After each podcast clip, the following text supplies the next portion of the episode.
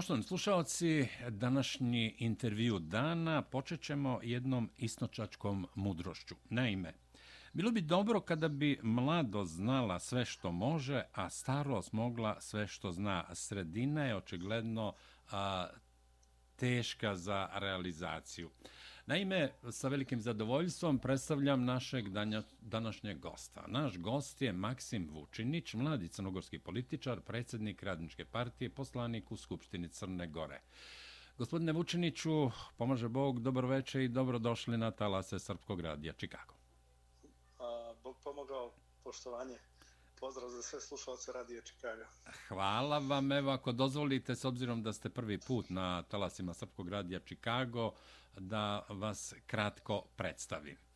Naime, vi ste rođeni u Nikšiću 1994. 11. jula, što znači da imate samo 28 godina, a već imate 3,5 godine staža u politici. Dakle, da našim slušalcima pojasnimo. Radnička partija osnovana je u Nikšiću 1. maja 2015. godine. Veliki sindikalni bunt radnika željezare kanalisan je u Radničku partiju, čiji osnivač i prvi predsjednik bio vaš otac Janko Vučinić, a u Crnoj Gori i šire poznati kao istaknuti nikšićki bokser. Važio je za istaknutog radničkog lidera i borca za radnička prava, predvodeći brojne proteste i štrajkove koji su imali za cilj poboljšanje socijalno-ekonomskog položaja radnika u Crnoj Gori. Naravno, kao istaknuti sindikalni aktivista i lider radničke partije, Janko Vučinić je u koaliciji sa Demokratskim frontom postao poslanik u Skupštini. Njegova iznenadna smrt u 53. godini u oktobru 2019. godine prekinula je jednu uspešnu političku karijeru. Dakle, vi ste Maksime sa određenim političkim iskustvom sticanom u Nikšićkom odboru Nove Srpske demokratije i opozicionom savezu Demokratskom frontu, naravno i u radničkoj partiji koja je osnovao vaš otac, od njenog osnivanja deo porodične tragedije kao očev Amanet nastavili njegovim stopama i preuzeli vođenje radničke partije. Vaša stranka učestvovala je na parlamentarnim izborima 2020. godine kao deo koalicije za budućnost Crne Gore, a 27. mesto koje ste zauzimali na zajedničkoj izbornoj listi i nakon pobede tog opozicionog bloka za budućnost Crne Gore, ako se ne varam, na izborima izabrani ste za poslanika. Kažite nam nešto o tome. Izvolite. I još jednom dobrodošlica na talase Srpskog radija Čikago hvala i zadovoljstvo mi je što sam na talasima Srpskog radija Čikaga. Evo, vi ste dobro informisani o ta istorija.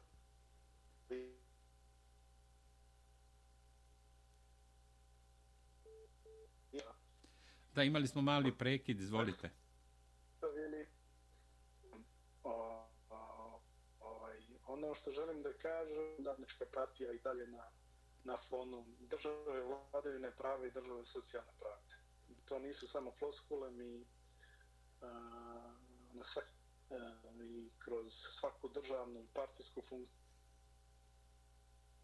a stvarimo u Crnoj Gori prije svega jedno sigurno mjesto, mjesto gdje će a, mlade generacije graditi svoju budućnost, državu vladavini prava i državu socijalne pravde, što svjedočimo svojim dijelima kroz a, raznorazne angažmane, kroz eh, predloge zakona, kroz podržavanje eh, razvoja eh, sindikata u Crnoj Gori, sindikalne solidarnosti, uopšte radničke solidarnosti. Evo, vi ste opisali taj istorijat radničke partije, to je to sad i porodična već tradicija. Moram da kažem da je, evo da nešto o, o Janku Vučiniću kažem da je on neprikosnoveni radnički lider u Crnoj Gori, sigurno je jedan najveći sindikalac u, u istoriji Crne Gore, međutim, prerana smrt je spriječila da ovaj, a, napravi vrhunac svoje političke karijere.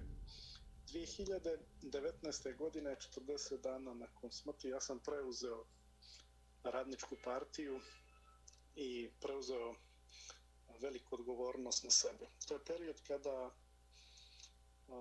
je situacija u Crnoj Gori bila mnogo loša.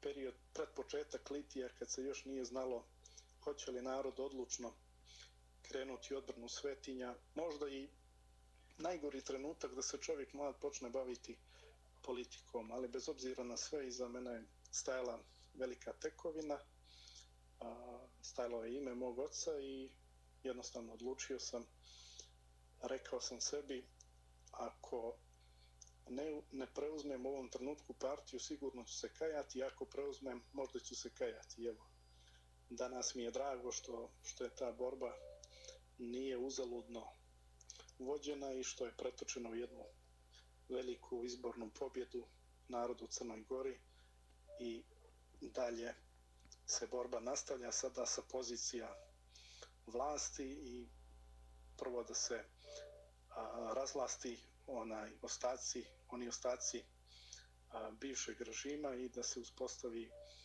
u, u zemlji, ajde kažem, vladavina prava, da se sistem a, stavi na, na a, noge i, i na temeljima zdravih vrijednosti koje su uvijek krasile crnogorsko društvo. Da, gospodine Vučiniću, poznato je vaše opredeljenje kao lidera radničke partije da podržite Andriju Mandića na predsjedničkim izborima koji su zakazani za 19. marta. Zašto podržavate Andriju Mandića?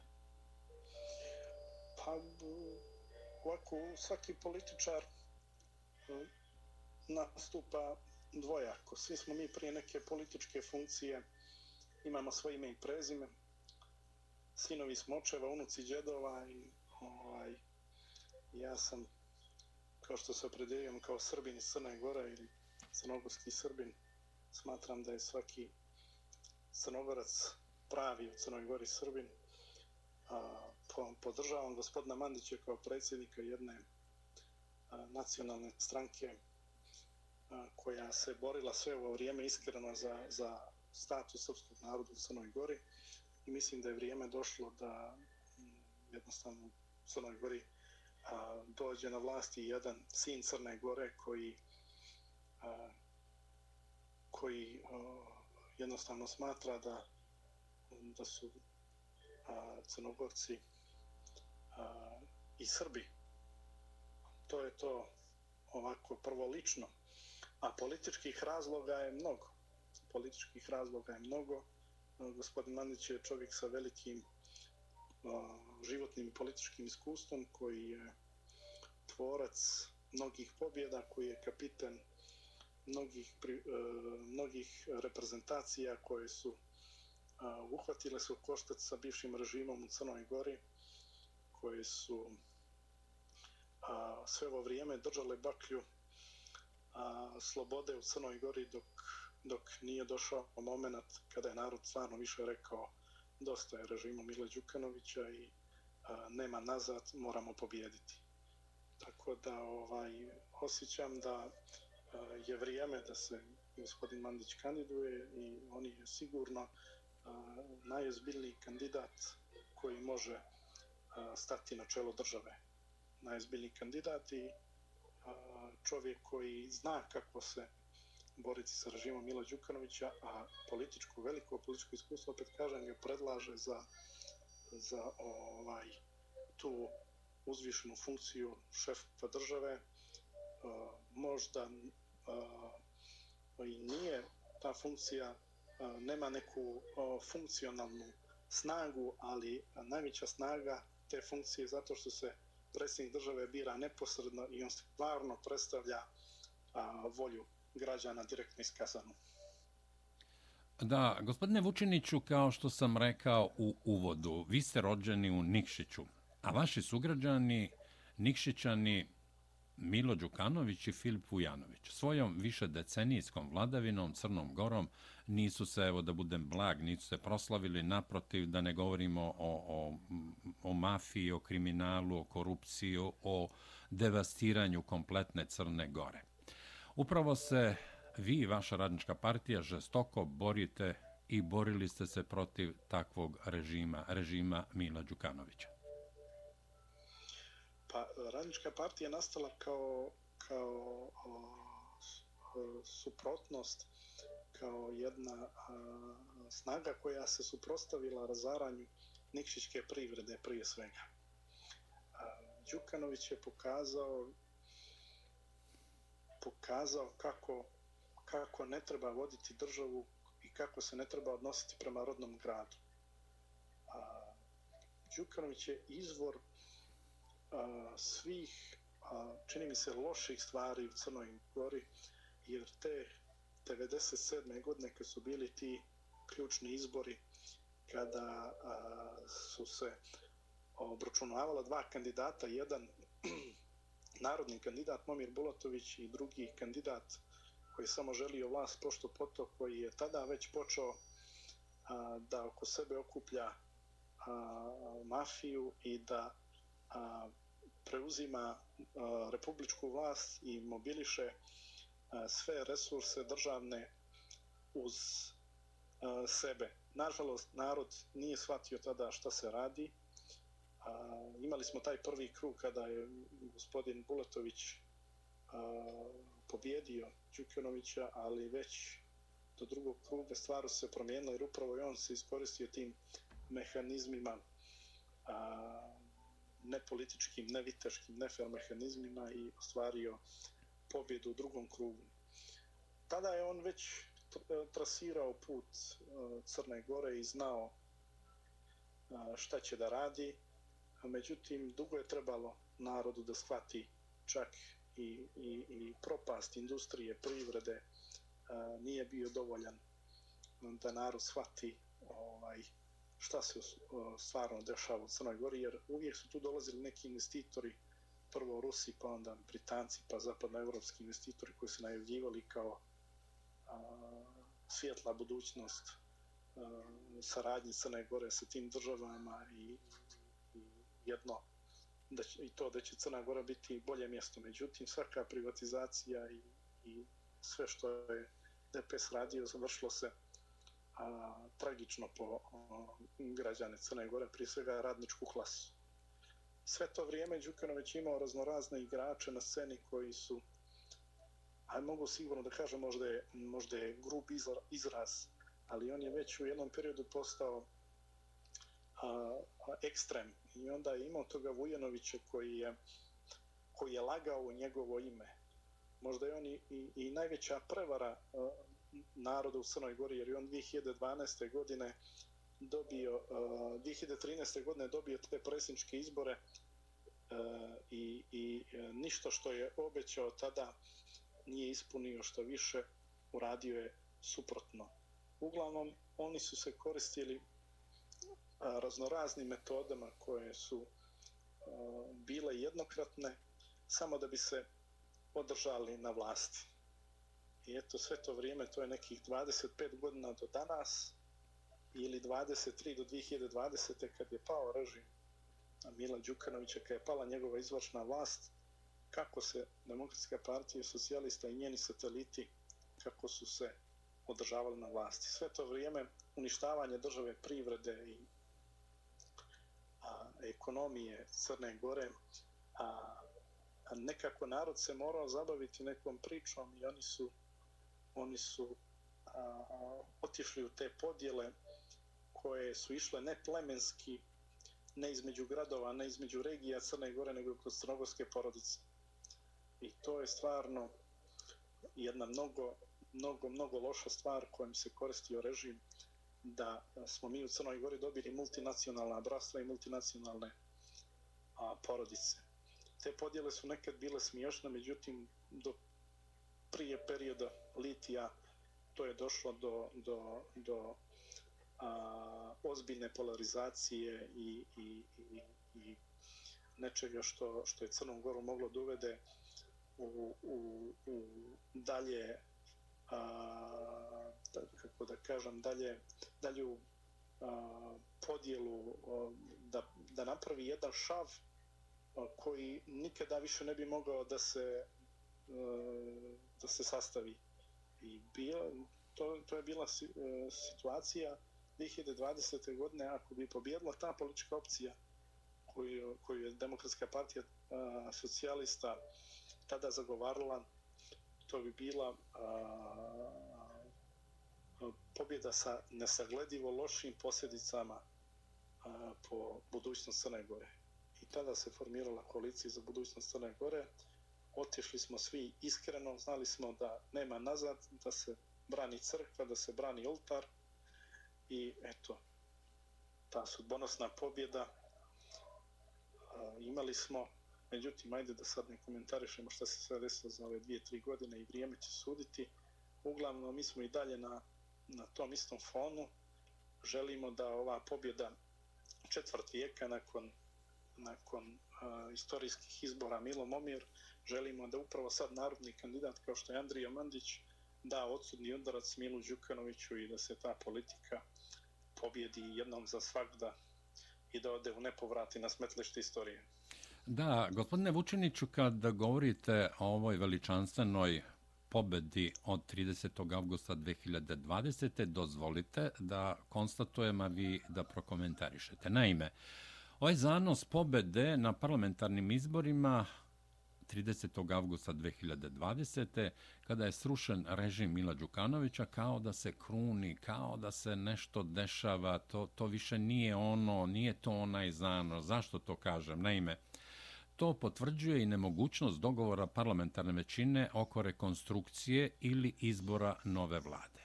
Vi ste reagovali na obstrukciju lidera Ujedinjene Crne Gore, Gorana Danilovića, koji je rekao da će formiranje 44. vlade Crne Gore na osnovu avgustovske većine ojačati Mila Đukanovića.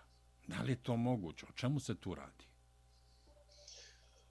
Mi smo imali niz sastanaka od septembra mjeseca. E, vrlo, vrlo napornih sastanaka. Znači, to je jedan period skoro pola godine. I tokom tih pregovora uvijek, uvijek je neka strana ovaj, e, tražila izgovor da se, da se, e, da se ta rekonstrukcija ili nova vlada ne desi. Uglavnom, strana Demokratskog fronta uvijek je bila da se to desi. Znači, mi smo I bila konstruktivna celo vreme. Tako je konstruktivno sve vrijeme i mi smo čvrsto zagovarali da jednostavno treba nam a, a, jaka, stabilna politička vlada u okviru izborne parlamentarne većine. I konačno, sada smo došli do toga da su pristali naši partneri iz URE, odnosno iz koalicije Crno na Bijelo, čiji je lider Drita Nabazović i koalicije okupljene oko demokrata, čiji je lider Aleksa Bečić. Imali smo ovaj, njihov pristanak, međutim Goran Danilović je toga... Izvinjavam se, to je 40 poslanika. 40 poslanika, međutim gospodin Danilović je toga dana rekao da on neće ulaziti više u, u, u, u ovakve i slične epizode, da je on dao podršku gospodinu Lekiću, Iako je gospodin Lekić rekao da on zagovara da se formira politička vlada bez obzira da li će on biti mandatar. Da, Danilović je, je postao veći Lekić od Lekića. Jeste, jeste, jeste. Da je on uh, jednostavno samo dao podršku Lekiću i da bi on sad slagao svoje birače, kaže svoje članstvo, ako bi on bio za uh, vladu čiji je mandatar uh, opet Dritan Abazović. E sad, nije ni nama sjajno rešenje taj uh, gospodin Abazović, ali a, jednostavno moment je takav da, da a, ne može da se baš bira sve. I Tako mi smo je. pristali na, a, na a, mnogo, mnogo kršenja a, principa parlamentarnih demokratija. A, sa samo jednim ciljem, ciljem da se razvlasti Demokratska partija socijalista. Međutim, kolege su to zlupotrijebile, kolege iz parlamentarne većine, iz izborne parlamentarne većine, i ovaj, kalkulišu tvrde pazar, ukoliko to nije tačno da oni kalkulišu i tvrde pazar, onda je stvar jasna, a onaj ko neće vladu u okviru parlamentarne većine i ko izda u ovom trenutku, znači u završnici predsjedničkih izbora, kad formiranje jedne nove stabilne političke vlade a, bi trebalo da, da da i signal jasan građanima da je sa režimom a, Mila Đukanovića više sve završeno. Ako neko u ovom trenutku obstruira formiranje te vlade, stvar je jasna da je taj čovjek i da je taj čovjek vjerovatno kupljen od Uh, istog Mila Đukanovića i da je napravio neki postizborni angažman. Drugog objašnjenja nema. Da, jasno mi je. Gospodine Vučiniću, mm, ponovo smo svedoci nemilih scena koje se dešavaju, odnosno koje su se desile na Cetinju. Da li je napad demonstranata na predsjedničkog kandidata pokreta Evropa sad Jakova Milatovića na Cetinju ozbiljno upozorenje? Da se pristalice Mila Đukanovića pa i militantne Draginje Vuksanović-Stanković neće tek tako prihvatiti pobedu na izborima bilo koga drugoga, a svi želimo i sigurni smo, evo rekao bih, da bi pobednik predsjedničkih izbora trebao da bude Andrija Mandić. Pa šta oni mogu osim da prihvate rezultate izbora? Oni su prihvatili rezultate parlamentarnih izbora koji su, koji su mnogo bili pogubni za njih. Ovi izbori, ta funkcija predsjednika države nema neku snagu u izvršnoj vlasti, ali je velika moralna pobjeda narodu Crnoj Gori. Tako da ovo što gospodin Miletović radi, on je, znate, zelen. On je um, skoro je već u politici, njemu je ministarska funkcija pala sa neba i on sad misli da e, sve funkcije padaju sa neba. On ne poznaje Crnu Goru i e, ovo je dokaz da, da, da ne poznaje Crnu Goru. Otišao je na cetinjim grlom u Jagode. Cetinje, je, znate, malo specifična sredina. to je naš narod koji koji boluje od tog prvenstva i oni u ovom trenutku jednostavno nisu raspoloženi za neke a, kandidate tipa gospodina Milatovića i jednostavno to treba prihvatiti ući u dijalog sa građanima Cetinja na neki drugi način a, vidjeti šta naći kompromise, naći kompromise i mir naći je to kompromise, ne nametati sad nekog kandidata koji je pao sa neba ima dio naroda koji voli svaku drugost i svaku novost, ali jednostavno ovi su pokazali da ne žele takve kandidate. Da, s tim u vezi, ja bih samo napomenuo, ako dozvolite, da je Andrija Mandić kao predsjednički kandidat saopštio i pozvao, da budem precizan, sve kandidate koji bi, kad kažem sve, govorimo o Jakovu Milatoviću, govorim o Aleksi Bečiću i evo Goranu Daniloviću koji se također kandidovao za predsjednika Crne Gore. Pozvao je sve kandidate, govorimo o njima trojici, da, o, da ga pod njega ili bilo koga ko prođe u drugi krug nasuprot Mila Đukanovića da će Andrija Mandić dati podršku, a njih je pozvao također da ako on prođe u drugi krug da ga podrže. Međutim, sa druge strane, nema reakcije niti odgovora. Pa ima sa druge strane reakcije, kaže Milatović, ja sigurno pobjeđujem. Aha, da. E sad, pa se tolika samouvjerenost, to opet svjedoči o, o političkom neiskustvu. A, to je iskrena jedna ponuda gospodina Mandića gdje on kaže da je on neprikosnoveni borac protiv režima Mila Đukanovića i da nije bitno njemu, ako on već nije predsjednik, ko će biti samo da ne bude Đukanović, naravno. Ovdje, Ili ova Vuksanović. Ona je, ona je relevantna potpuno. Ona je jedna desnica koja kupi šačicu sljedbenika. Eto, dobro, je, dobro je da postoji taj šarolikost i, i, i pluralizam, što bi se rekli. Da. Tako da nju uopšte i ne razmatra. Ovaj, tako da je to jedna iskrena ponuda iskrena ponuda koju mislim da bi trebalo da e, prihvate i gospodin Milatović i gospodin Bečić.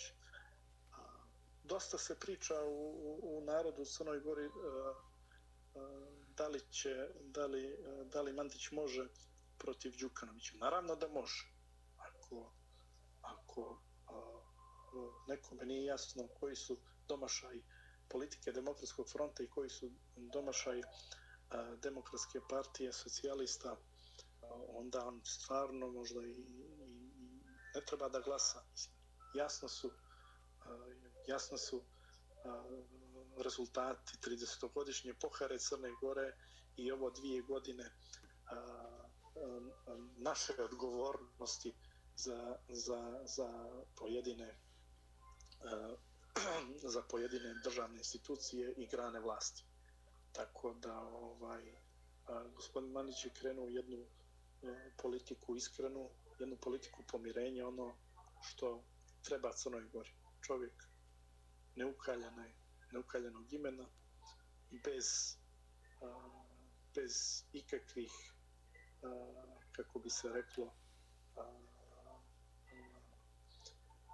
bez ikakvih mrlja u, u, u, u svojoj političkoj istoriji koje, koje su koje krase, na primjer, gospodina Đukanovića, čovjek bez kontroverzi, a, sve nasuprot ono što, što ima što ima se sve nasuprot osobinama koje, koje krase kandidata demokratske partije socijalista. Da, s tim u vezi, gospodine Vučiniću, da li su moguće malverzacije sa biračkim spiskovima i da li je moguće da glasaju, jer birački spiskovi nisu, koliko znam, nisu pročišćeni, da li je moguće da glasaju oni koji ne postoje ili su, tako da kažem, e, ovaj, ta lažna upravo zastava je, glasačka? Upravo je ta činjenica, upravo je ta činjenica glavni argument zašto mi želimo političku vladu prije narodnih parlamentarnih izbora da bi očistili birački spisak. 2020. godine, 30. augusta, mi smo i sa svim malverzacijama Demokratske partije socijalista i sa svim nedozvoljenim metodama koji su oni bavili sa tako nepročišćenim biračkim spiskom dobili Demokratsku partiju socijalista. Danas je situacija kudi kamo bolja, njima su oduzete poluge moći i oduzeti su im resursi koje su ranije zlupotrebljavali u izborne svrhe. Danas njima ostaje samo crni fondovi od švercarskog novca, tako da je to jedini vid pritiska koji oni imaju na građane. Da, vi ste veoma aktivni, ako mogu tako da kažem, kao predsjednik Skupštinske komisije za praćenje i kontrolu postupka privatizacije ili postupaka. Borite se protiv pljačke državne imovine Crne Gore i nemarnosti bivše vlasti Mila Đukanovića prema državnim resursima, da ne kažem pljačke državnih resursa. Koliko ste zadovoljni rezultatima? E, zadovoljan sam, generalno sam zadovoljan. Kad bi imali podršku izvršnih vlasti i malo žurnije sudstvo, bili bi ti rezultati kudi kamo bolji. Za to nam je potrebno, opet kažem, stabilna politička vlada gdje se jasno izražava politička volja da se državni aparat i nosioci funkcija konačno obračunaju sa, sa korupcijom i sa kriminalom koji su okovali a, dosta institucija u Crnoj Gori. Tako da ovaj, imamo rezultate, imamo vidljive i opipljive rezultate, imamo hapšenje nakon sjednica, imamo ostvarivanje socijalne pravde, imamo ostvarivanje zahtjeva radnika, tako da a, sam zadovoljan, ali ono što kažu uvijek može bolje. Očekujem da u narodnom periodu nakon formiranja ove političke vlade ili dobijanja političke vlade na parlamentarnim izborima dobijemo i bolju i odlučniju borbu i kroz taj odbor i kroz ostale institucije sistema. Da, Maksime, vi ste rekli, koliko pratim kroz medije, da je vraćanje Nikšićke željezare u državno vlasništvo Crne Gore ostvarenje vašeg sna. Da li je to i zbog činjenice da i vaš otac radi u željezari i što je tu počelo bitisanje i organizovanje radničke partije te sindikalne borbe koje je predvodio vaš otac?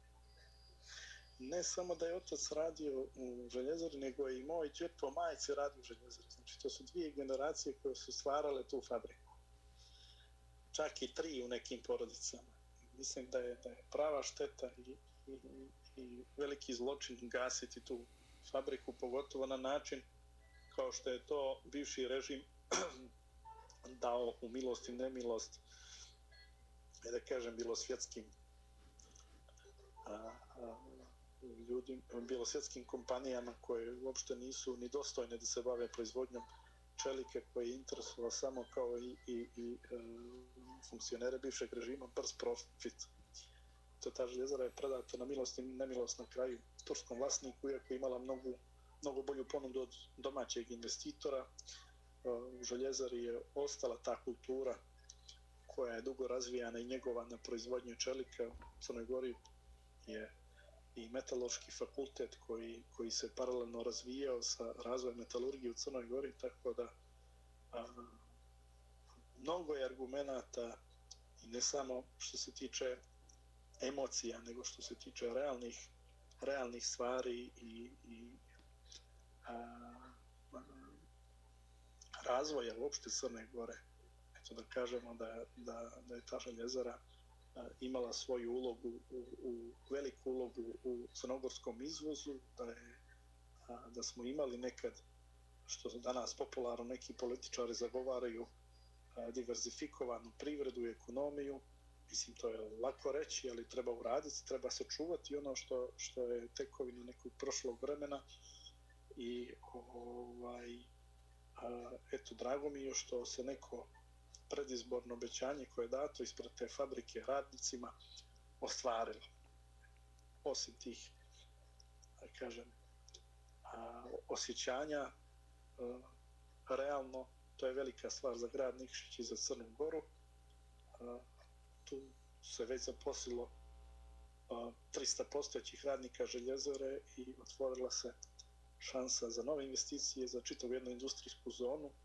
Tu je ostala mnogo značajna infrastruktura, ostao je taj proizvodni pogon čelika, čeličana, kovačnica i prateći pogoni, 250.000 kvadrata pod krovom sa jednom energetskom infrastrukturom, sa putnom infrastrukturom, uz neke subvencije države i lokalne vlasti.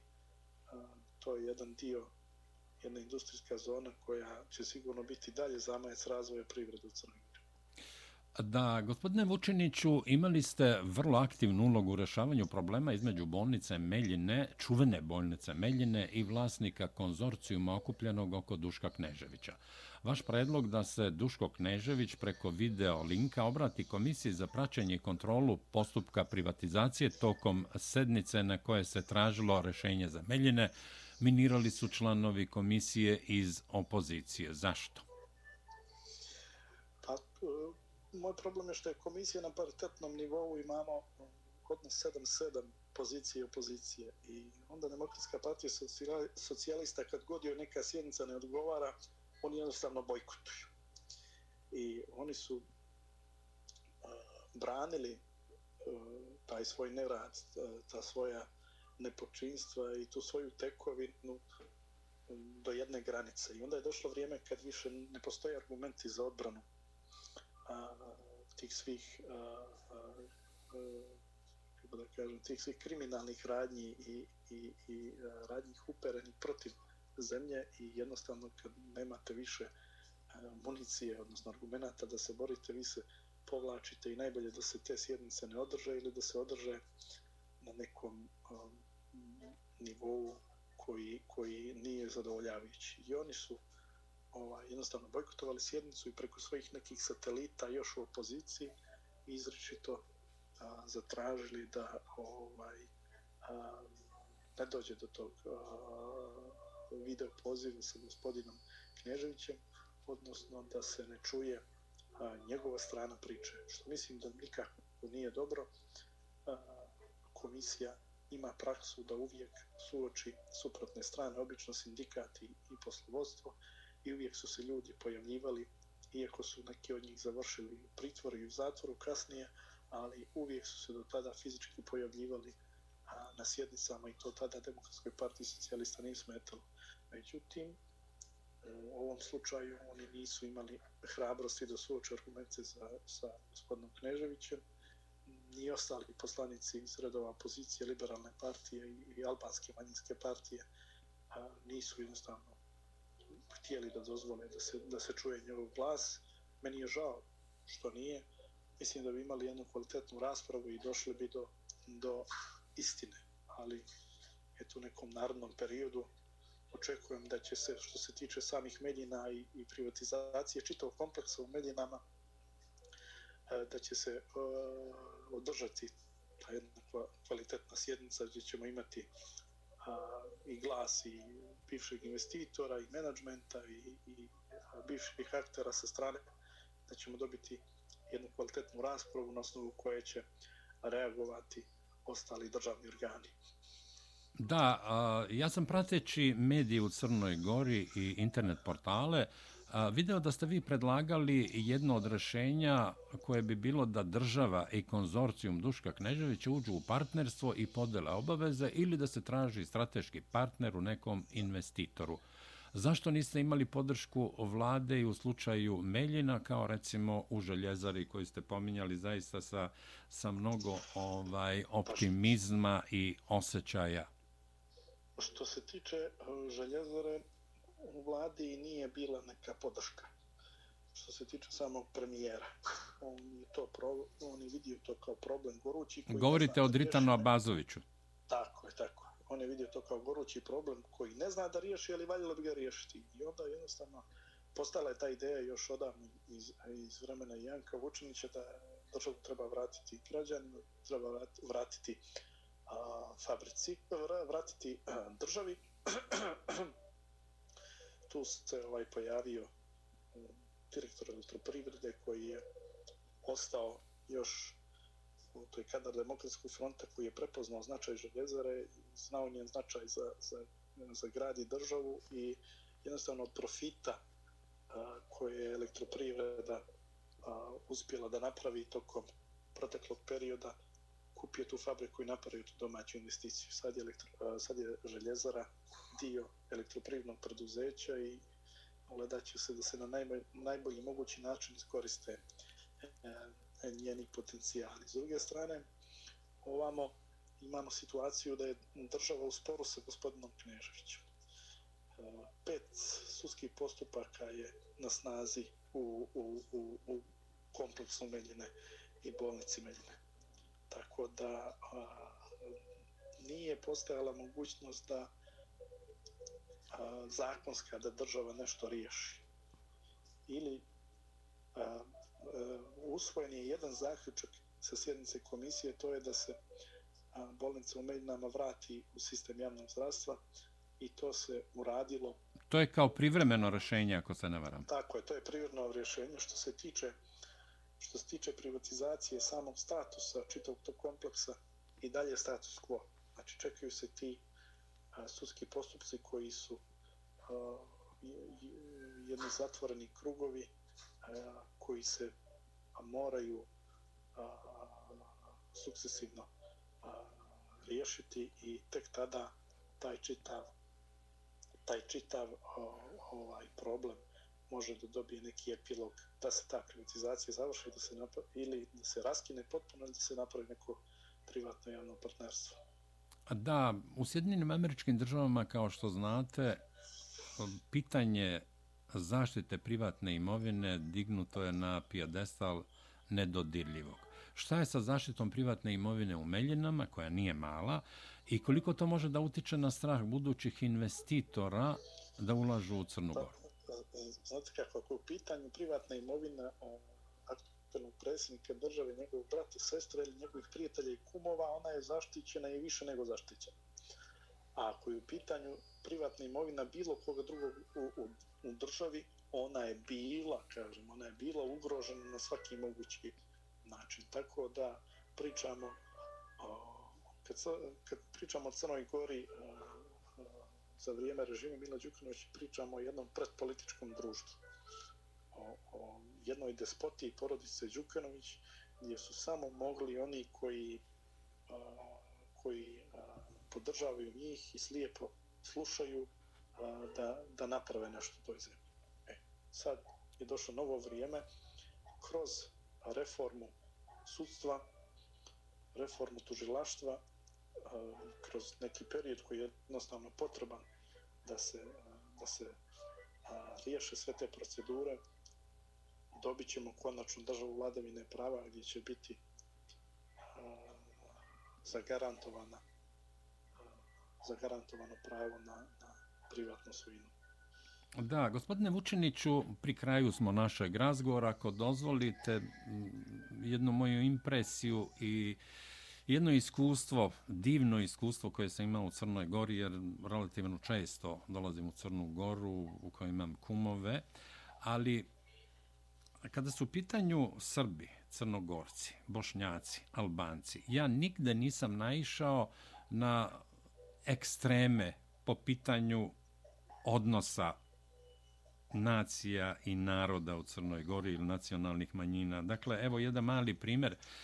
A, naš pokojni kum Zoran Žižić koji je bio predsjednik Savezne vlade, a, mene i Branka Tupanjca odvoje pre par godina u Ulcinj. I bili smo na Ulcinskoj plaži, seli u neki mali kafić da popijemo kafu, već je sezona bila na isteku. U jednom momentu na onoj pešanoj plaži pojavljuje se čovek koji je bio u kratkim pantalonama i dolazi tako prema ovaj tom kafiću. Ja sam to video, ali nisam znao o čemu se radi. I kad je prišao čovek, vidim da nosi ispod miške, nosi flašu posle sam ustanovio da je u pitanju rakija. Naime, on je bio albanac katolik, jedan divan čovek, koji je čuo da je Zoran Žižić došao u taj kafić koji drži njegov sin i došao je sa rakijom koja je stara 40 godina. Branko Tupanjac i ja smo zaista bili uh, i dirnuti i iznenađeni da postoji takav odnos između ljudi koji su Albanci, Zoran Žižić je uh, bio Srbin.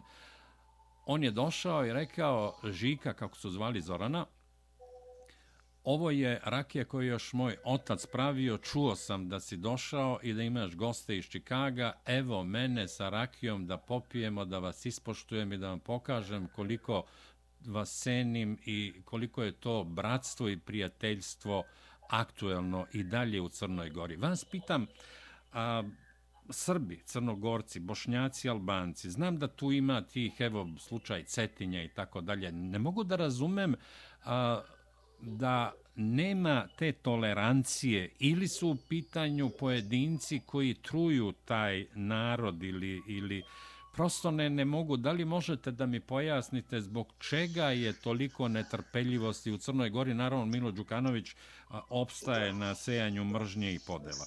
Da, dobro ste rekli, ekstremi su samo na političkoj sceni. Da. Ekstremi su samo na političkoj sceni i oni nekad neke tamo možda mobilišu i motivišu neke ruralne krajeve Crne Gore da, da ovaj, možda se to ispolji kroz narod, taj, taj jaz i, i, i, i ovaj, a, te podjele kroz, kroz netrpljivost neku. Mislim, to su uvijek malta neizolovani slučajevi i uvijek su motivisani sa iste strane. Znači, u susret izborima uvijek imate neku polarizaciju koju zagovara Demokratska partija socijalista koju ona tim nelegalnim mehanizmima ova, inicira i to se kasnije ispoljava kroz određene grupe. A uvijek ćete naći neke ljude u Crnoj Gori da ih ili podmitite ili natjerate da, da, da urade nešto što bi predstavilo neku pogrešnu sliku. Da, A, gospodine Vučiniću, na samom kraju ne manje važno. Iz ovog razgovora sam razumeo da je Andrija Mandić, kao što ste rekli, baklja slobode, čojstva, tradicionalnih vrednosti u Crnoj Gori i sa života. Sa druge strane, Milo Đukanović sinonim za poharu Crne Gore, kako ste rekli, sinonim za podele i mržnju i to vidim i ekstremizam, to vidim i ovim njegovim nastupima. A šta možete da poručite svima onima koji će glasati ne samo Srbima i Crnogorcima, nego i Bošnjacima i Albancima. Dakle, Andrija Mandić se zalaže za pomirenje, za prosperitet Crne Gore, za tradicionalne vrednosti. Milo Đukanović sinonim za ekstremizam, za poharu, za kriminal, podele i mržnju. Poruka je budimo ljudi, što bi rekao naš blažno počeši patrija Pavle. Mislim da upravo te tradicionalne vrijednosti jesu vrijednosti tradicionalne porodice. Tradicionalnu porodicu imamo kod svih naroda u Crnoj Gori, kod Albanaca i kod Tako je. Bošnjaka i kod Srba. I to su neke vrijednosti koje treba da nas povežu. Mi želimo jaku porodicu i jaku Crnu Goru. To bi bilo za kraj. Naravno, upućeni smo jedni na druge, moramo, moramo se okrenuti budućnosti. Prošlost je nekad bila gorka, ali a, sigurno da se zalažemo za, za, za bolju budućnost i to svjedočimo dijelima. Dijela.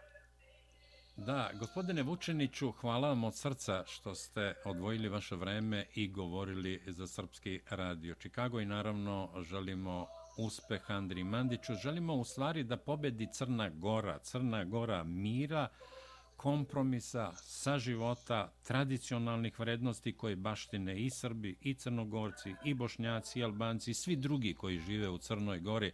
Dakle, Andrija Mandić je sinonim za to, već da ne pominjem Mila Đukanovića, koji je najdugovečniji vladar, čini mi se u Evropi, a jedan od najdugovečnijih u, u svetu, pa tamani da je najbolji što je dosta, dosta je.